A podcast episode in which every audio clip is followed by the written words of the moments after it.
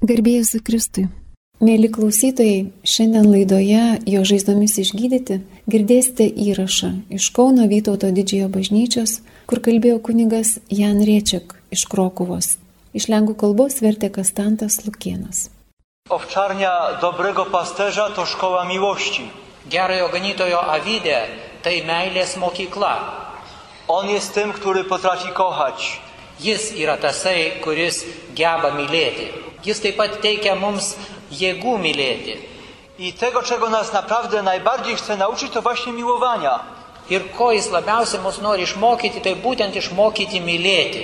Laimingi tie namai, tos šeimos, kuriuose priimamas Jėzus. Laimingi tie vaikai, kurie patiria meilę ir yra mokomi meilės. Bo to jest tak, jak słyszeliśmy w pierwszym czytaniu. Nes yra panašiai, kaip girdėjome pirmajame skaitinyje. Jums ir jūsų vaikams yra skirtas šis pažadas. Droga miłości jest dla naszych domów, dla wszystkich pokoleń. Taigi meilės kelias yra mūsų šeimoms, visoms kartoms. Taigi džiaugsmas matant tas šeimas, kur vaikai auga meilėje. Deja, šiandienos pasaulyje matome, kad blogosios jėgos viską daro, kad tik šeima nebūtų meilės mokykla. No bo co to za klasa, w której jest tylko jeden uczeń? Nes tarkime, kokia klasė, jeigu joje tai yra vienas mokinys. Mes žinome, kad vaikai geriausiai gali išmokti meilės, kai jų daugiau, kai jų būrelis. Deja, dažnai dėl tėvų tokio didžiadvasiškumo stokos, tai šeima tampa egoizmo mokykla. Kiekviena mokykla reiškia tam tikrus reikalavimus. Nie ma miłości bez wymagań. Nėra meilės be reikalavimų. Labai didelė iliuzija kai kurių pedagoginių pakraipų teikti, kad be meilės įmanoma. Bóg nas kocha i dlatego od nas wymaga. Dievas mus myli ir todėl iš mūsų reikalauja. Dievas tikisi iš mūsų, kad mes gražiai gyvensime. Ir kartais Dievas mums leidžia patirti kartelį paklydus. Taigi į meilės mokyklą įrašyta ir tokio nusivylimų kartelio valandos. Tai yra jos skirtos tam, kad tiesiog būtų išjudinta iš vietos, jeigu kas įsikibęs laikosi. Vieną labai įdomų liudymą pateikė neseniai vienas iš Lenkų viskupų. Opowiadał na rekolekcjach dla ludzi dorosłych, rekolekcjach zamkniętych z dorosłymi, Jis kalbėjo vienose uždarose rekolekcijose skirtose suaugusiems ir vyskupas pasakojo savo patirtį vaikystėje, kaip su juo elgėsi tėvai, jo tėvai. kochali siebie do szaleństwa, a Boga jeszcze bardziej. Jo tėvai tikrai labai mylėjo vienas kitą ir Dievą dar labiau mylėjo. Ir labai su dideliu tokiu meistrišku sugebėjimu, išvalgumu mylėjo ir savo vaikus. I wspominał ten pasterz o tym, jak go ojciec upominał. Ir tas e, ganytojas vyskupas prisiminė, kaip jį tėvas jo koreguodavo. Jis, ką nors jeigu norėdavo jam pasakyti, tai atsistatydavo berniuką prieš save. Wypowiadał swój ból i swoje upomnienie. Jis išsakydavo jam savo skausmą ir savo lūkesčius. A na koniec, żeby syn wiedział, że jest z nim w jego trudzie, Ir galiausiai po to tokio pamokymo pabaigoje, kad sūnus vis dėlto žinotų, kad tėvas yra su juo, jo darbe, parodydamas, kad nori padėti savo berniukui, savo sūnui kažkaip įveikti tą silpnybę, su kuria jis kaip tėvas nesutinka. przygarniał głowę chłopca do swojego serca. Jis priglausdavo sūnaus berniuko galvą prie savo širdies. Ir vyskupas tai pasakojo tose rekolekcijose. Kiedy się kończyło spotkanie, w drzwiach pokoju biskupa stanął rosły mężczyzna. Ir po e, to susitikimo pas vyskupo į kambarį atėjo toksai aukštas vyras. Ganytojas nežinojo, ko čia dabar laukti, gal ko- kažkokių pretenzijų žmogus turi. Y, A ten powiedział, proszę księdza biskupa, O tas žmogus kreipėsi, ekscelencija vyskupė, parodykit man, prašau, vyskupė, kaip buvo, vad kaip tėvas priglausdavo jūsų galvą, va, kaip berniuko prie krūtinės. bo ja wracam do domu, gdzie czeka na mnie żona i mały syn. Nes aš kaip tik grįžtu namo, kur manęs laukia ir žmona, ir vaikas, sūnus. Ir aš tiesiog nemoku to savo sūnaus berniuko priglausti, nes manęs paties tėvas niekuomet nepriglausdavo prie krūtinės. Jak biskup mu to pokazał, obaj się rozpłakali. Ir kai vyskupas jam tiesiog parodė, kaip, kaip tai daroma, tai abu pravirko. bo wreszcie był w szkole miłości. nes tai ir buvo meilės mokykla. Taigi laimingos tos šeimos, kurios yra meilės mokykla. Nes Jėzus nori mus mokyti to svarbiausio gebėjimo. Ale też wie, że ten jego zamiar często nie spełnił się. Taip pat Jėzus žino, kad šis jo troškimas dažnai neišsipildo. Jėzus žino, kad jo avys dažnai yra sužeistos. Przez jeszcze proroka w Starym Testamencie Bóg zapowiadał, że zaopiekuje się tymi owcami.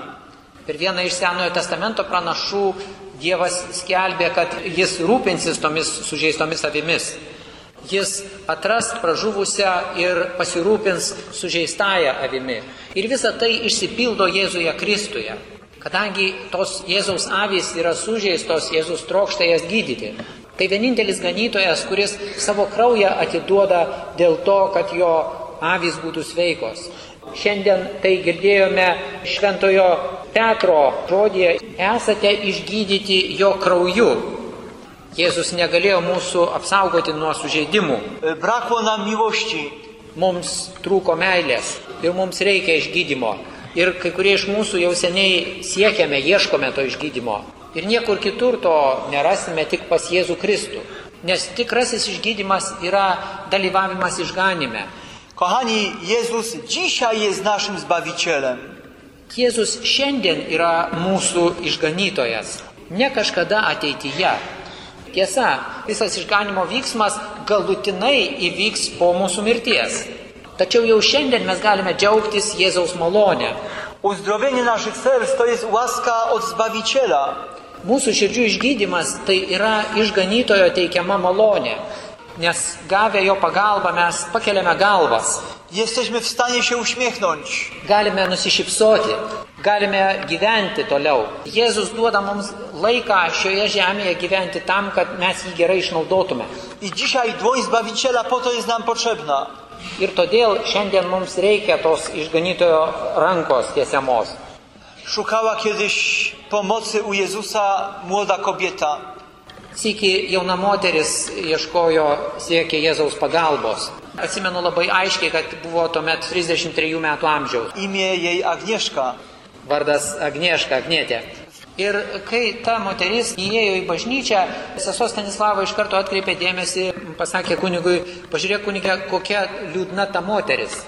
I ona właśnie tak nazwała chorobę swojego życia. Ir būtent Agnieška taip apibūdino savo gyvenimo lygą, negalę. Jis taip ir pasakė, aš jau labai seniai esu labai liūdna. Nie była w stanie powiedzieć, co ją wprowadziło w ten stan. Ir jinai net nesugebėjo išaiškinti, kas ją į tą būklę nuvedė. Mes maldoje atidavėme visą jos gyvenimo istoriją dieviškajam gailestingumui. Nes tai yra visuomet svarbiausias esminis dalykas susitinkant su Jėzumi. Žinodami, kad Jėzaus viešpatavimas gali viską padaryti, tai todėl su ta mintimi viską jam ir patikime. Wyznając, że jest Zbawicielem, powierzamy się Jego miłosierdziu. Išpažindami, kad Jėzus yra išganytojas, patikime save jo gailestingumui. O kai jis savo malonę gali viešpatauti mūsų gyvenimuose, tai jis gali perkeisti visą situaciją ir apskritai visą mūsų gyvenimą. E, W czasie modlitwy nad Agnieszką w pewnym momencie e, Pan Jezus dał wewnętrzny obraz. Taigi, besimeldžiant už tą moterį Agniešką, vienu metu viešpats davė tokį aišku vaizdinį maldoje. Sesuo Stanislava išsakė tą vaizdinį, sako, viešpats iškelia tau prieš akis jauną vaikiną. Kažkoks susitikimas su kažkokiu e, vaikinu buvo tavo gyvenime labai svarbus. Tai e, pabandyk prisiminti, kas tai galėjo būti ir reikia tą situaciją patikėti Jėzui. Ona w pierwszej chwili nie kojarzyła. Ir per pirmas akimirkas Agnieška net neatėjo į galvą, ką tai galėtų reikšti. Bet po minutėlės atsiminė. I mówi, to już było dawno. Ir mums pasakė, betgi tai buvo jau labai seniai. Tuo rimtesnis dalykas. Kuo ilgiau akmuo slegia mūsų širdį, tuo sunkesnė yra mūsų būklė. Taigi taip maldoje Jėzui ir mums jinai taip aiškino. Jak była na końcu szkoły podstawowej, Ji pasakojo taip istoriją, kad bebaigiant mokyklą, klasiokas ją apgavo. Ir jis, tas vaikinas, net nesuvokė, kad jis buvo labai svarbus jos jaunos mergaitės jausmuose. chciał jej dokuczyć. Jis specialiai stengiasi ją erzinti. Ir visos klasės akivaizdoje per pertrauką jai pasakė, Sako, tu tokia bjauri, kad tau net plastinė operacija nepadėtų. Słowo człowieka ma ogromną moc. Žmogaus žodis turi didžiulę galę. Žodis gali užmušti. O palaiminimo žodis gali išjudinti. Visi suaugusieji apie tai žino. Każdy z nas usłyszał słowo akceptacji, które nas uskrzydlało. Kiekvienas iš mūsų esame išgirdę tokius prieimimo žodžius, kurie mums tarsi sparnus suteikdavo. Ir priešingai tokius be meilės žodžius, kurie mus tiesiog prislėgdavo. Tuo atveju tie išgirsti klasioko žodžiai tą moterį apsunkino 18 metų. Ona dalej wspominała w modlitwie: Przestałam lubić samą siebie. Jinai toliau maldoj prisiminė, kad nustojo save pačią mylėti. Buvo klasės ekskursija, Koledzy dali mi zdjęcia klasiokai tenai nuotraukomis dalyjosi, tai aš specialiai su flamasteriu savo pačios veidą užušuodavau. bo jestem brzydka. Esu bjauri. Ir mokyklos pabaigoje buvo vinjetė, ta tokia bendra nuotrauka visų. Nie wykupiła go, bo tam była jej twarz. Ir jinai neįsigijo tos nuotraukos bendros, nes jos veidas joje taip pat buvo. Buvo protinga mergina, stojo į universitetą studijuoti ir pasakojo, kaip studentė eidavau mieste, žmonės šipsodavosi, juokdavosi. Była pewna, że się śmieją z niej, bo jestem brzydka. Ir jinai buvo tikra, kad čia iš jos juokiasi, nes esu labai bjauri. Uwierzyła kłamstwu. Jinai patikėjo melu. Jinai anaip tol nebuvo bjauri. Visi žinome, kad kiekvienas žmogus yra savaip gražus. Ja zawsze mówię, każdy jest inaczej piękny, bo Pan Bóg jest artystą. Aš visuomet sakau, kad kiekvienas yra kitaip, savotiškai gražus, nes viešpas Dievas yra didysis menininkas. Dievas negamina serijinės produkcijos. Ale to piękno rozkwita wtedy, kiedy jesteśmy otoczeni miłością. Tačiau tas grožis skleidžiasi tuo met, kai esame apsupti meilę. Esame tarsi gėlė, kuri saulėje pražįsta. Ta kobieta przez 18 lat więdła, 18 metų ta moteris vyto. ale kiedy oddała wszystko w modlitwie Jezusowi, Tačiau kai viską patikėjo, atidavė Jėzui maldoje ir jau buvo pasirengusi, galėjo jau atleisti tam savo klasiokui būsiam. Ji įtikėjo savo kaip asmens vertumu ir savo grožiu. Ir kai jinai nuo tabernakulio ėjo šipsodamasi, tai jos veidas buvo labai gražus. Ir būtent tai yra Jėzaus darbas. nikt inny nie jest w stanie zdjąć ciężarów z serca człowieka. Niekas kitas negali nuo žmogaus širdies nuimti sunkenybių. Joks kitoks gydytojas negali perkeisti gyvenimo. Tik išganytojo gale tai gali padaryti. Šiandienos Evangelijos skaitinėje girdėjome, kad jis įeis ir išeis ir bus išganytas, ganyklas auras. Ir galime matyti tam tikrą simbolį tuose žodžiuose, kad įeiti ir išeiti pro vartus. Nes ateiti pas Jėzų tai reiškia atnešti jam savo gyvenimą. A jak naprawdę z nim się spotkamy, to wychodząc od niego, mamy w sobie miłość przebaczającą. O iš tikrųjų, jeigu įvyksta tas susitikimas su Jėzumi, tai iš Jėzaus įgauname atleidžiančią meilę. Ir būtent tai yra mums būtinas dalykas mūsų širdžių gydimui. Ateiti pas Jėzų kaip pas viešpatį ir išganytoją ir išpažinti jam tai.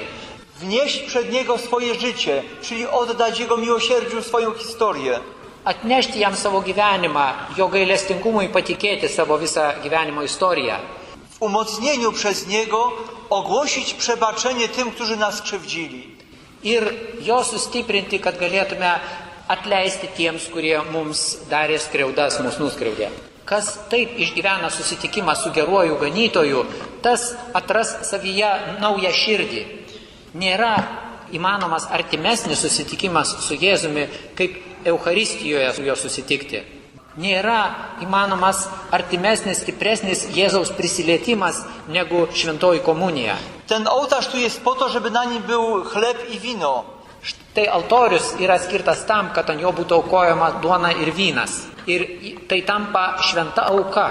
Tačiau tas pats altorius yra tam, kad čia kiekvienas mes sudėtume savo gyvenimus. Żebyś tutaj dzisiaj w swojej modlitwie położył to, co dla ciebie jest bolesne. Kad šiandien savo maldoje sudėtum tą, kas yra tavo gyvenime skausminga. Żebyś oddał Bogu historię, w której doświadczyłeś cierpienia, bo brakło miłości.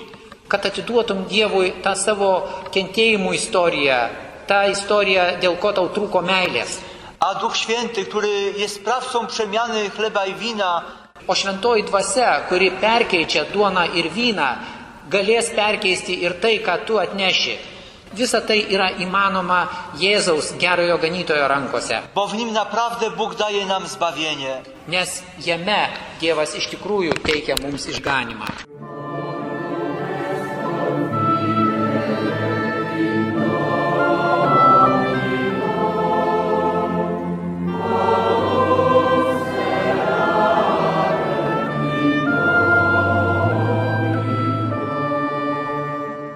Święty Piotr spotkał się ze słusznym oburzeniem. Šventasis Petras iš tikrųjų susidūrė su teisėtų pasipiktinimu. Nuėjai pas pagonis ir valgiai su jais, jam priekaištaujam. Pirmaisiais krikščionybės amžiais mums nuostabus yra žmonių krikščionių jautrumas. Oni wyczuwali o wiele głębiej i mocniej niż my, jak inny jest świat w sercu chrześcijanina. Jie žymiai giliau ir stipriau išgyveno tai, koks skirtingas tampa krikščionio pasaulis. Ir jie laikėsi tokio principo, kurį galima būtų nusakyti tokiu įvaizdžiu. Krikščionys neįdavo pas pagonį į svečius. Tai buvo todėl, kad buvo svarstoma, o ką aš iš jo gausiu. Jaką radę życiową albo jaką pociechę od tego, który nie poznał prawdy. Kokį gyvenimo patarimą ar kokią paguodą aš galiu gauti iš žmogaus, kuris nėra pažinęs tikrosios tiesos. Pomoc w drobnych sprawach codziennych miała być świadczona w małych grupach chrześcijańskich. Kasdieninio gyvenimo pagalba ji turėjo būti gaunama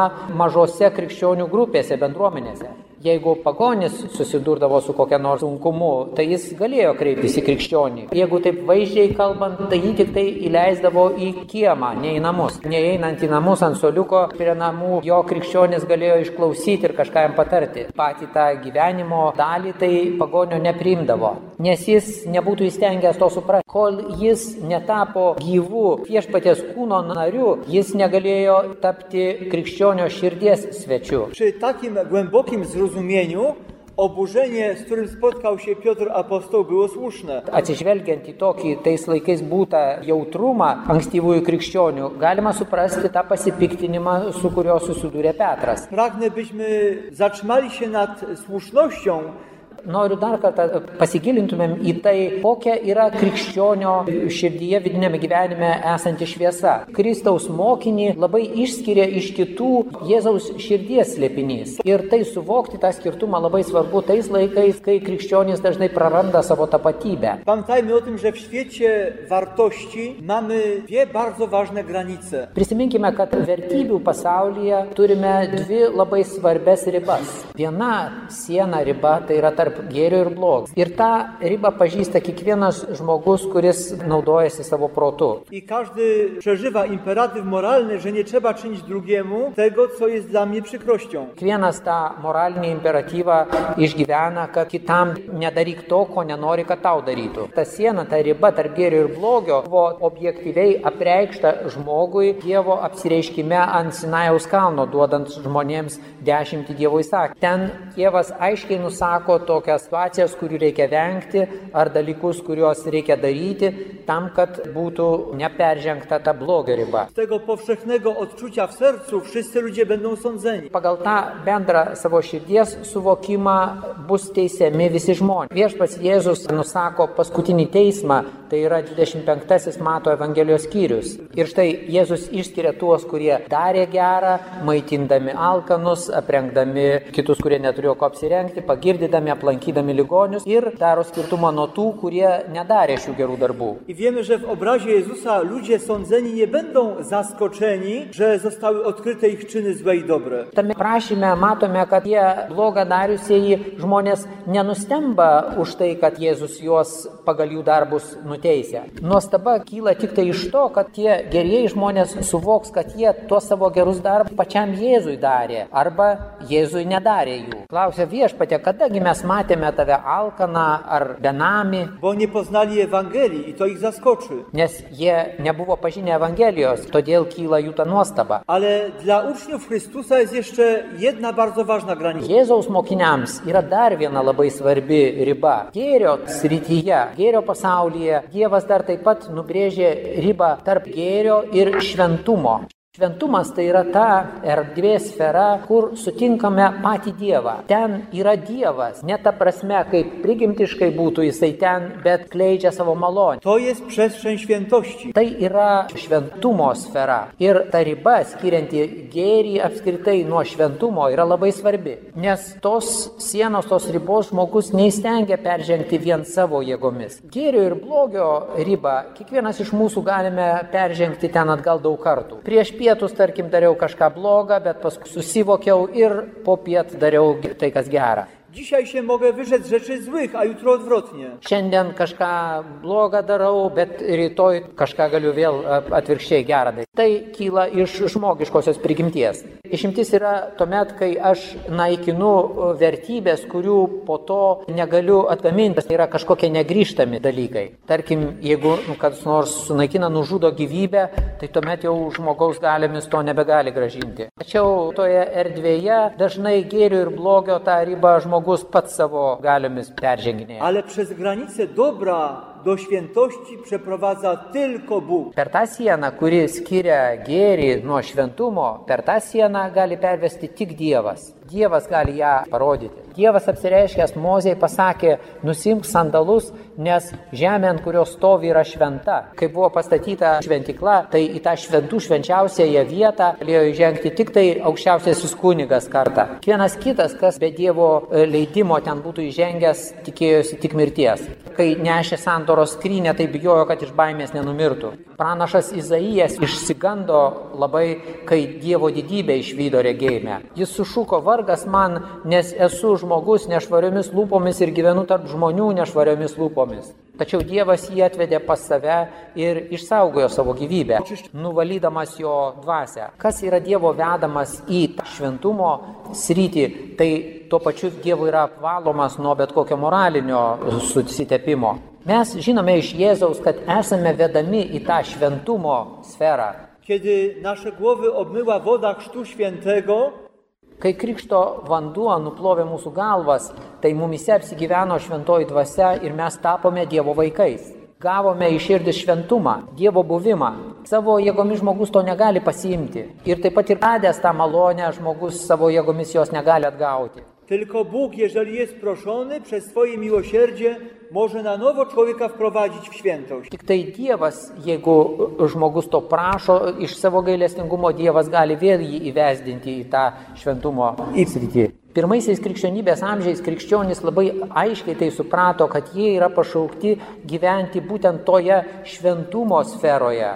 Jie suvokė, žinojo, ką tai reiškia, kad jie yra prieėmę šventąją dvasę. Święty Paweł, kiedy kończył swoje listy, przeczytacie pozdrówcie świętych. Šventasis apaštalas Paulius savo laiškų pabaigoje dažnai rašo, galime tai skaityti Naujajame testamente, sveikinkite šventuosius kitoje bendruomenėje. Čia kalbama ne apie tuos kanonizuotus, kaip mūsų dabar suprantama šventuosius. Čia kalbama apie tuos, kurie ėmėsi gyventi Jėzuje ir priėmė šventąją dvasę. Šiandien mes gyvename tokiame pasaulyje, kuris mums siūlo melą. Ir tas melas yra štai, sulyginimas, kad šventumas yra tolygus gerumui, gėriui. Pakanka būti gerų žmogumi, bet tai iš tikrųjų yra erezija. Jeigu sekmadienį tikėjimo išpažinime sakai, kad tikiu į šventąją dvasę, reiškia, turi ir gyventi šiuo slėpiniu. Kas nepažino šventosios dvasios ir nepriemė Jėzaus, tai teisme te parodo savo gerumą. Tačiau mumise, krikščionėse, Dievas nori kažką daugiau pamatyti. Pokaż mi Twoje dzieciństwo Boże. Parodyk man, sako Dievas, kad esi Dievo vaikas. Parodyk, kokia iš tavęs buvo Dievo šventovė. Tai yra Dievo pašaukimas skirtas mums. Šiandien to riba daugeliu prasmių yra užtrinama.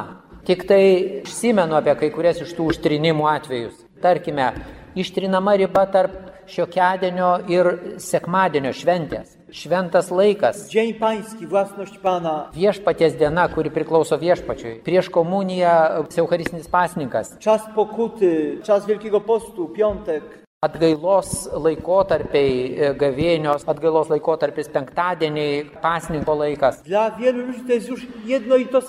Daugeliu žmonių tie visi dalykai yra užsitrynę, tai tas pats jiems. Jiems nebėra skirtumo tarp tiesiog laisvadienio ir šventadienio. Tai reiškia, kad mes pasidavėme melui. Šventa vieta. Presbiterium. Presbiterija, bažnyčia, altorius, visos šventovės erdvė.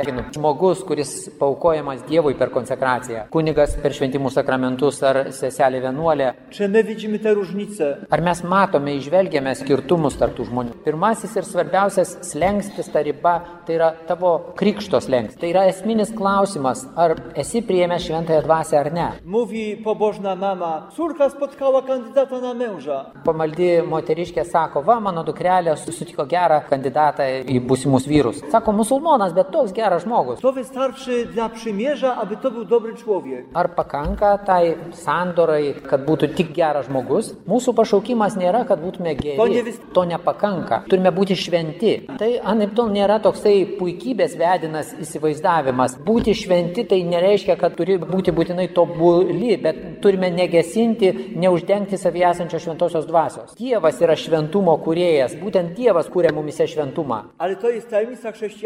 Tačiau tai yra krikščionio slėpinys. Todėl nedėra pasiduoti melui, esą pakanka, kad būtume geri. Kita moteris vėl man pasakoja, na, mano vyras tai nevaikšto į mišes. Malkas kaldė vienolinę, reiškia, darė gerus darbus. Ar tas malkų skaldimas, žodžiu, kažkas su šventąja dvasia susijęs? Reikia priimti Dievo duodamą at- atgailos sakramento atleidimą ir šventą komuniją. Tai yra šventumas. Tai yra mūsų tikėjimo į šventąją dvasę vaisius. Jest owoc naszej wiary w to, co Bóg chce w naszym życiu uczynić. Tai yra vaisius to, ką Dievas nori mūsų gyvenime įvykdyti. Mūsų neišganys, mūsų gerumas. Dievas būtent mus patraukia, patys mes nenueisime į dangų. Aš visą tai kalbu tam, kad mes geriau suvoktume, koks yra skirtumas pagoniškojo pasaulio ir mūsų krikščioniškojo pasaulio. Koks tolimas yra nekrikščioniškas, okultinis pasaulis nuo mūsų krikščioniškojo pasaulio. Gyvename pasaulyje, kuriame tenka mokytis susitikti, tačiau kartais tenka taip pat mokytis ir izoliuotis, atsiriboti. Dievas mums sako, būkite šventi, nes aš esu šventas. O gerasis ganytojas mus maitina prie savo stalo. Maitina mus, stiprina mus tuo valgiu, kad mes eitume šventumo keliu. Dar kartą kartoju, kad būtume ne vien tik geri, bet šventi. Prisiminkime, lapkričio pirmąją švenčiame visų šventųjų šventę, bet ne visų gerųjų šventę. O altorijoje garbiname švenčiausiai, o ne geriausiai sakramentą. Tai yra mūsų krikščionių pasaulis, tai yra mūsų širdžių slėpinys. A dobry pasterz ma moc prowadzić nas dalej. O gerasis ganytojas turi galę vesti mus tolyn. Jemu chwała. Jam šlovė.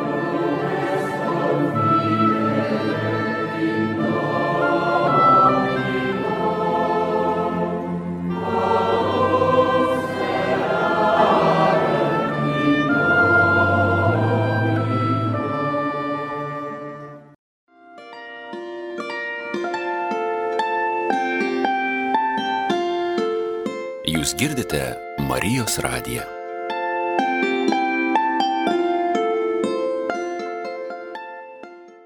Jedno z najdziwniejszych spotkań Vienas iš nuostabiausių susitikimų per maldos užtarimą įvyko, kai maldos kreipėsi pagyvenusi moteris. Moteris pasiskundė, man skauda galva. Pirma mano reakcija buvo tiesiog guštelėti pečiais, kam iš mūsų nėra kada nors skaudėjusi galva.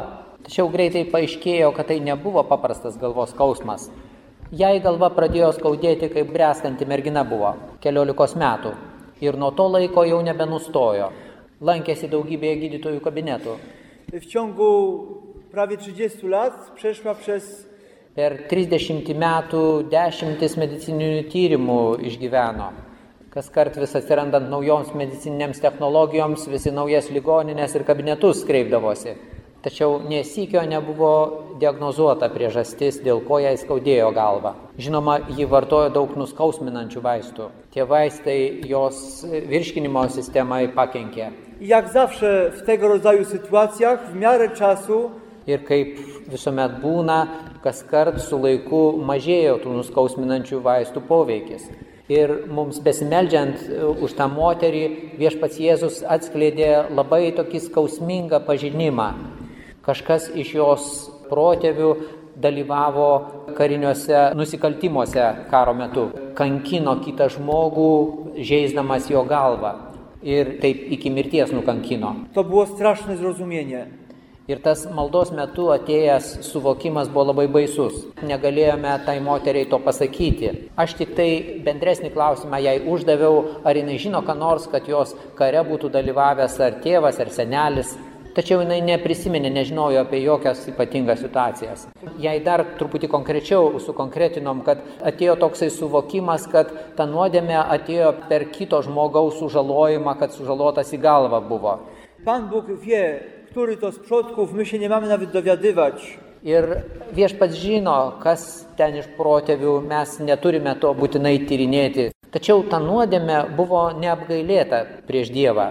Ir dėl to reikia, kad tu už tai tą permaldavimą atliktum. Ir ta moteris tada klausė, ką turiu daryti, ką mes galime daryti. Nade wszystko możemy ofiarować Galime nebent aukoti paties Jėzaus auką. Ir aš jai patariau, kai tik bus įmanoma, taip pat ir šiokiadienį dalyvauk šventose mišiose, priimk šventą komuniją. Tačiau prieš jai dar išvažiuojant, aš kaip kunigas dar sukalbėjau maldą prašydamas išlaisvinimo, kad jinai būtų išlaisvinta nuo tų ryšių saistančių ją su kažkuo iš protėvių. Ir po tos maldos galvos skausmas jai liovėsi, bet tik keletui valandų. Kiedy wróciła do siebie do domu, Ir moteris grįžo ir vėl paskambinusi pasakė, kad vėl skausmas grįžo, vėl blogai jaučiuosi. Ir ji ėmėsi permaldavimo intenciją aukoti mišiose. Praktiškai kasdien dalyvaudavo mišiose, priimdavo šventą komuniją. Ir kas mėnesį pas mus atvažiuodavo kartoti tos maldos užtariamosios. Labai gerai tai atsimenu, nes viskas tas vyko per mokslo metus. w Polsce rok szkolny trwa od września do czerwca. Ir Lenkijoje nuo rugsėjo iki balandžio. Ir kiekvieną kartą melžiantis ta pati malda davė vis geresnius vaisius. Atsimenu, kad pirmą kartą tai tas palengvėjimas tik tai keletui valandų tęsės. Bet po to ilgėjo pusė paros, toliau dar ilgėjo. Ir galiausiai jau birželį atvažiavusi moteris pasakė, jau praktiškai nebežinau, kas tas yra galvos skausmas. Ir dabar aš taip savo pagalvojau, koks gydytojas būtų patikėjęs, kad užuot tabletes vartojusi ta moteris vien tik tai gydėsi šventąją komuniją. Tai buvo vieninteliai jos vaistai. Tačiau šių vaistų didybė glūdi Jėzaus širdyje. Jis būtent tą permaldavimą atmokėjimą įvykdė. Jego ofiara jest samym sednem pokuty. Jo auka yra pati atgailos širdis. Ta moteris įsijungė į Jėzaus auką visą širdimi. Drauge jinai parodė savo tuo veiksmu, koks didžiulis yra gailestingumas tame, kad galime dalyvauti atgailoje. Tai yra labai svarbu mūsų kartos žmonėms, kurie šios kartos žmonės tiesiog atsitolino nuo tos atgailos dvasios. O viešpats e, mums parodo, kad ta tarsi vėluojanti meilės išraiška o tai yra atgaila, ji yra labai svarbi. Žmogus dažnai nesugeba tuo metu mylėti, jis nusideda. Jis atveria piktajam į savo gyvenimą vartus. Nuodėmė atveria duris ir tada piktasis jau ant slengščio žengia savo pėdą ir jau nebeleidžia uždaryti tų durų. Ką padaryti galime, kad tos durys būtų uždarytos, kad piktojo tas poveikis, apsunkinimas nebeveiktų kaip atimti piktajam jo teisę veikti tarp mūsų. Galime aukoti pavėluotą meilę, kitaip tariant, savo atgailą. Ir toks yra mūsų išgyvenimas šventųjų mišių kaip atgailos, kaip permaldavimo. Dievui yra miela tokia nuostata žmogaus, kai Euharistija yra išgyvenama kaip permaldavimo auka už mano silpnybės. Prieš keletą šimtmečių Jėzus per šventąją Mariją Margaritą Alakok taip pat atskleidė tokį apreiškimą, kad pirmaisiais devyniais mėnesių penktadieniais permaldavimo atgailos intencija jo švenčiausiai širdžiai melstumėmės. Ir viešpats Jėzus nemelavo, tai yra labai vertinga. Tai yra nuostabus atlyginančios meilės pavyzdys. Labai gerai yra pasvarstyti, kaip mes išgyvename tą bažnyčioje nubriežtą atgailos laiką. Ne kiekvienam skirta labai kažkokius herojiškas, didvyriškas atgailos formas ir Dievas to iš mūsų nenori. Bet kaip yra gera pasiekti tai, kad penktadienis kažkuo skirtusi nuo kitų dienų, kad gavėnios laikas skirtusi nuo kitų mėnesių, nuo kito laiko. Ja zawsze mówię, jeżeli ktoś mi mówi w konfesjonale, a nie pościłem w piątek, Jeigu kas nors man per išpažinti klausykloje prisipažįsta nuodėmę, kad nepasninkavo penktadienį, aš taip replikuoju, sakau, gaila, kad taip nedarėjai, nes jeigu tai būtum daręs, tai velnės nebūtų veikęs tavo šeimoje. nes atgaila atitolina šetono veikimą. Ta veikimą, kurį įsileidome per savo nuodėmės. Viešpats Jėzus duoda mums į rankas tai, kas kainuoja nedaug pastangų, bet yra labai veiksminga. Eucharistijos dovana. Tai yra didžiausia permaldavimo auka. To jest największe lekarstwo. Didžiausias vaistas. Tai yra didžiausias pastiprinimas ateičiai. Viskas, ko mums reikia mūsų gyvenimo silpnume, yra Eucharistijoje. Laimingi tie, kurie girdi jo kviečiantį balsą. Ateikite pas mane visi, kurie vargstate ir esate prislėgti. A ja was pokrzepię. Aš jūs atgaivinsiu.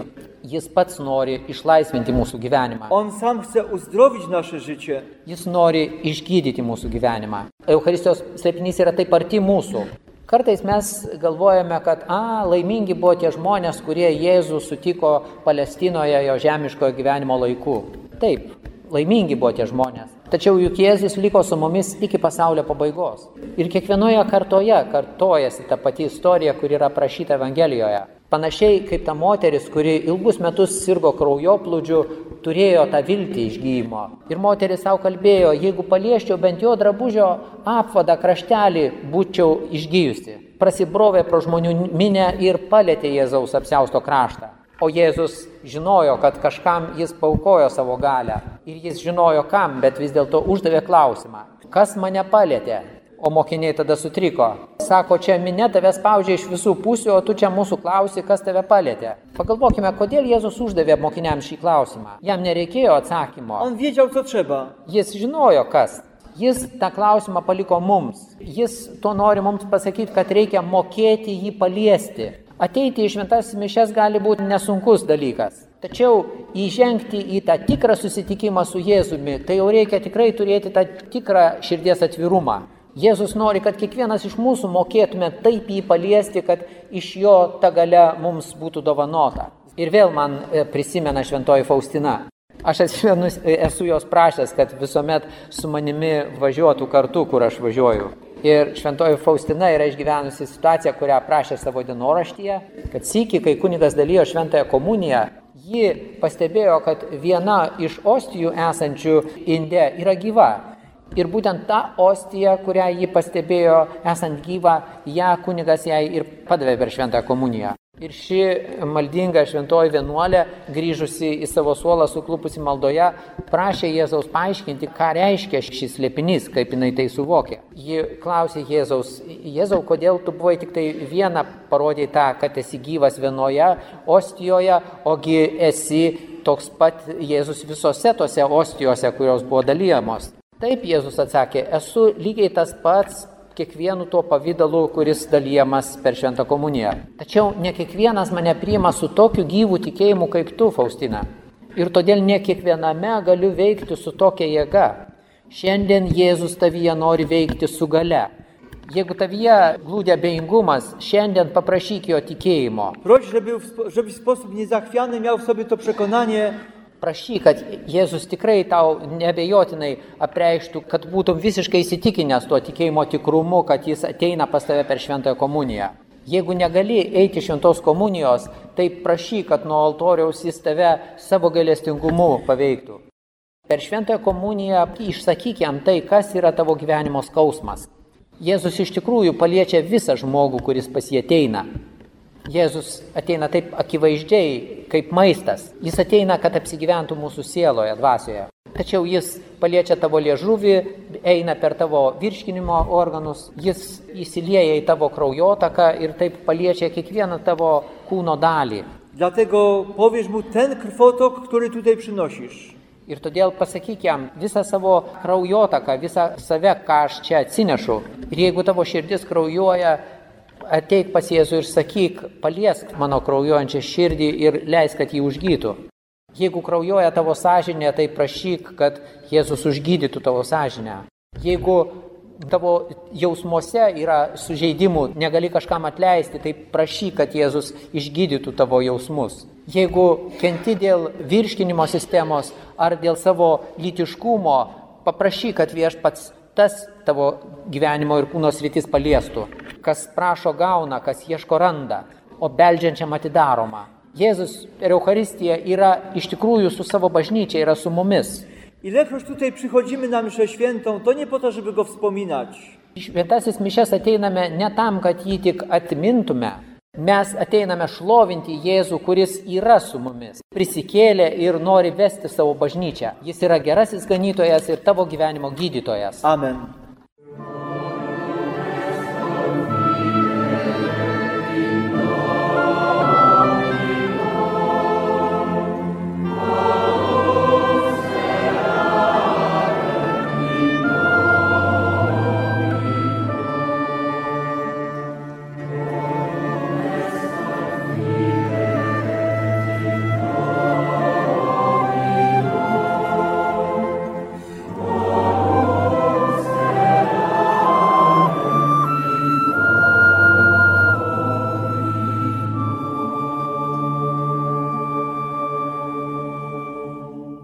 Girdėjote laidą Jo žaizdomis išgydyti, kurioje kalbėjo kunigas Jan Riečiak iš Lenkijos.